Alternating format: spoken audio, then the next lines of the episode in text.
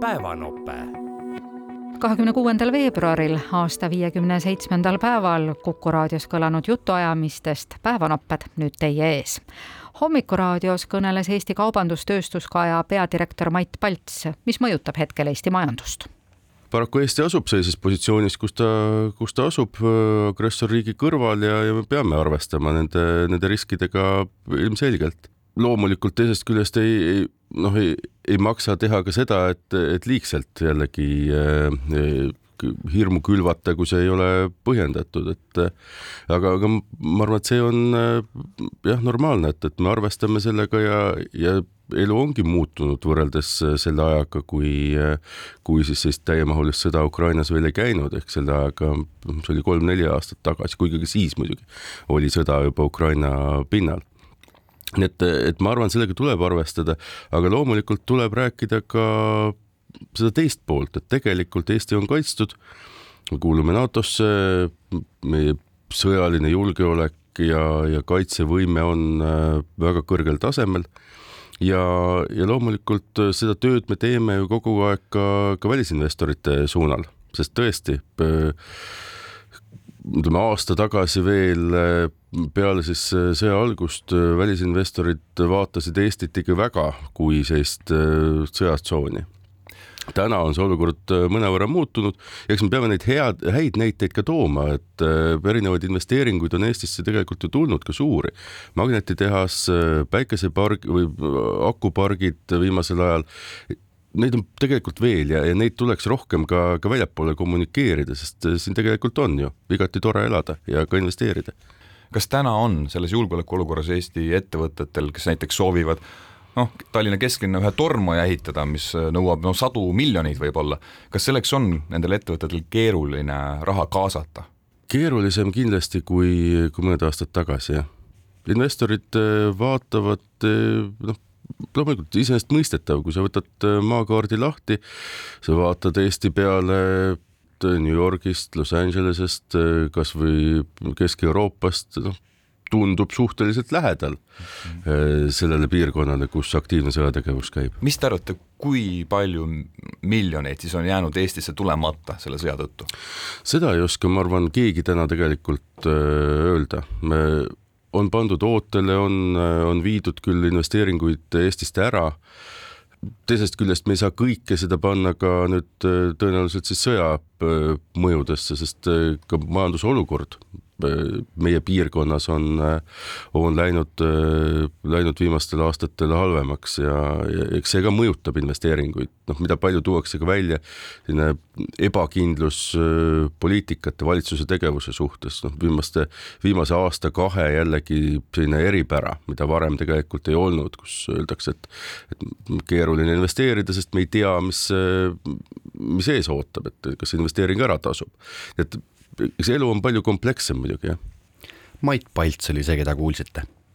Timo Tarvel oli sihikus, aga külas Euroopa Komisjoni energeetikavolinik Kadri Simson, kellega jõuti energeetika teemadelt lõpuks ikka ka päevapoliitikani ma arvan, et väga tähtis on, et Euroopa Parlamendis suudavad enamuse moodustada Euroopa-meelsed jõud. ja, ja kolm äh, suuremat äh, fraktsiooni, kes selgelt on Euroopa-meelsed, on äh, konservatiivid, sotsialistid ja liberaalid, kes ka praegu on äh, komisjoni presidendi ja ülemkogu presidendi ja parlamendi presidendi äh, valimise taga seisnud. nii et ähm, kui, kui see läheb nii, siis me ilmselt võime aimata, milline on järgnev asjade kulg, et järgnev asjade kulg on siis selline, et äh, nädal peale jaanipäeva tulevad Brüsselis kokku äh, valitsusjuhid, veedavad seal äh, mõned tunnid ja võib-olla ka ühe öö ja lepivad need tipp-positsioonid kokku ja nii juhtus see ka viis aastat tagasi, et äh, ruumi mindi ühtede kandidaatidega, aga välja tuldi teistega ja, ja nii mõnigi, kes toona peaministrina kohta läbi rääkis, näiteks Belgia peaminister Michel, rääkis iseendale väga hea koha välja. nii et, äh, et äh, seal ei ole seda valehäbi, et olles ruumis ei või sa endale küsida tipp-positsiooni, et vastupidi, ilmselt selles ilma ametnike kohalolemiseta väikses ruumis ähm, tehakse, tehakse suuri otsuseid, ma siiralt loodan, et Ursula von der Leyen saab teise mandaadi, sest tema on olnud nüüd küll see tipp-poliitik, kes ütleb, et me ei väsi Ukrainat aidates. ja, ja ma arvan, et kui peale eurovalimisi mõni jõud võib öelda, et meil on siin sõjaväsimus, siis ta on nii südi ja sõnakas äh, liider, et ta ei lase vähemalt valitsusjuhtidel seal väsimust tunda. tuleme korraks kodusesse poliitikasse, ma tsiteerin oled kasutanud Euroopa Parlamendi positsiooni ka väljaspool Eestit Eesti mustamiseks. kuulen oma endistelt kolleegidelt parlamendis, kuidas süstemaatiliselt Eestit alla tõmbad. miks sa seda teed? ma saan aru, et mina sulle ei meeldi, aga väljaspool Eestit võiksime ikka kõik olla Eesti eest väljas. no see tsitaat on tuttav, Kaja Kallase kiri Andrus Ansipile. on see siis nõndaviisi, et Brüsselist käib täna Eesti tänu Ansipile väga halvasti vastu? absoluutselt ei ole. et kui mina räägin ähm, Euroopa Parlamendis äh, inimestega, Euroopa Parlamendi liikmetega siis mina arvan küll tundvat äh, sellist tunnustust, et Eesti on äh, saatnud äh, endise peaministri, endise voliniku Euroopa Parlamenti. Ja Ansip ajab väga südilt sellist ähm, digi ja, ja ja tehisintellekti teemavaldkonda, et võib-olla kõik ei pruugi teada, mida ta teeb, aga see on tulevikku orienteeritud tegevus, nii et ma pole kordagi kuulnud Ansipit ühelgi ähm, avalikul ega ka me mingites poliitgruppides äh, toimuvatel aruteludel Kaja Kallase kohta halvasti ütlemast. ja, ja loomulikult kriitika Kaja Kallasele ei ole kriitika Eestile. rääkis Kadri Simson saates Olukorrast ajakirjanduses olid külas Bonnieri preemia laureaadid Holger Roonemaa ja Martin Laine. Ühel päeval vapustas äh, ajakirjandusringkondi, eks natuke üldsust ka teade, et kaitsepolitsei on kinni pidanud kokku kümme inimest, keda siis kahtlustatakse täiesti mõtestatud ja koordineeritud tegevuses ajakirjanike vastu. Täpselt samamoodi, jutt on siis Delfi venekeelse no, peatoima ja ministri vastu. Täpselt, äh, ajakirjaniku auto löödi ju katki ja soditi ka kõikvõimalikke sümbolväärtusega objekte. nüüd suur asi, kümme inimest kinni peetud, nendest kuus vahi alla võetud, tõeliselt suur asi minu arvates.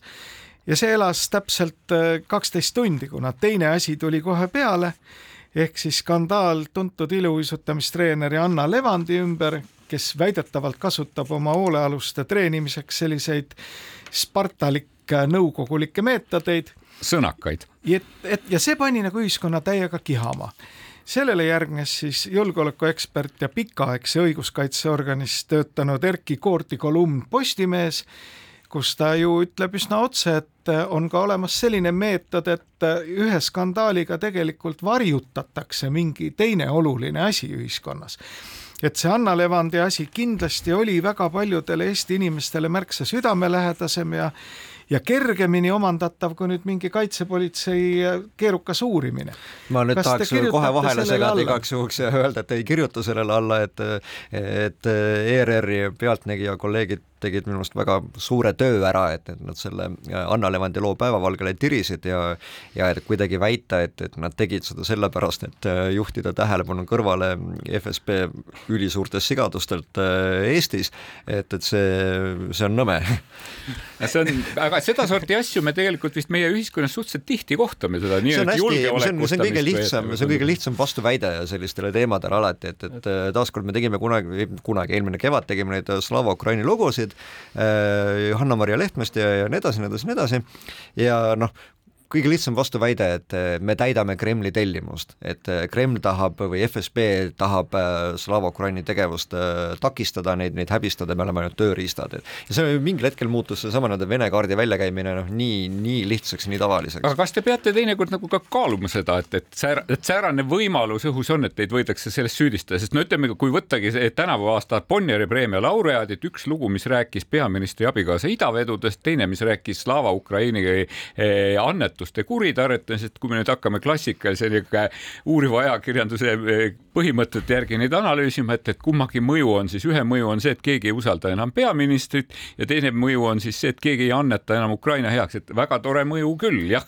ma tahaks, eh, kui, kui need lood oleksid valed olnud, siis võiks meid süüdistada, et kui need eh, lood, ükskõik idavedude või, või, või Slava Ukraini lood ei vastaks tõele, kui nad põhineksid valeinfol, siis võiks meid igas, igas, igas asjas süüdistada, et just nii hoogsalt kõlas saade olukorrast ajakirjanduses.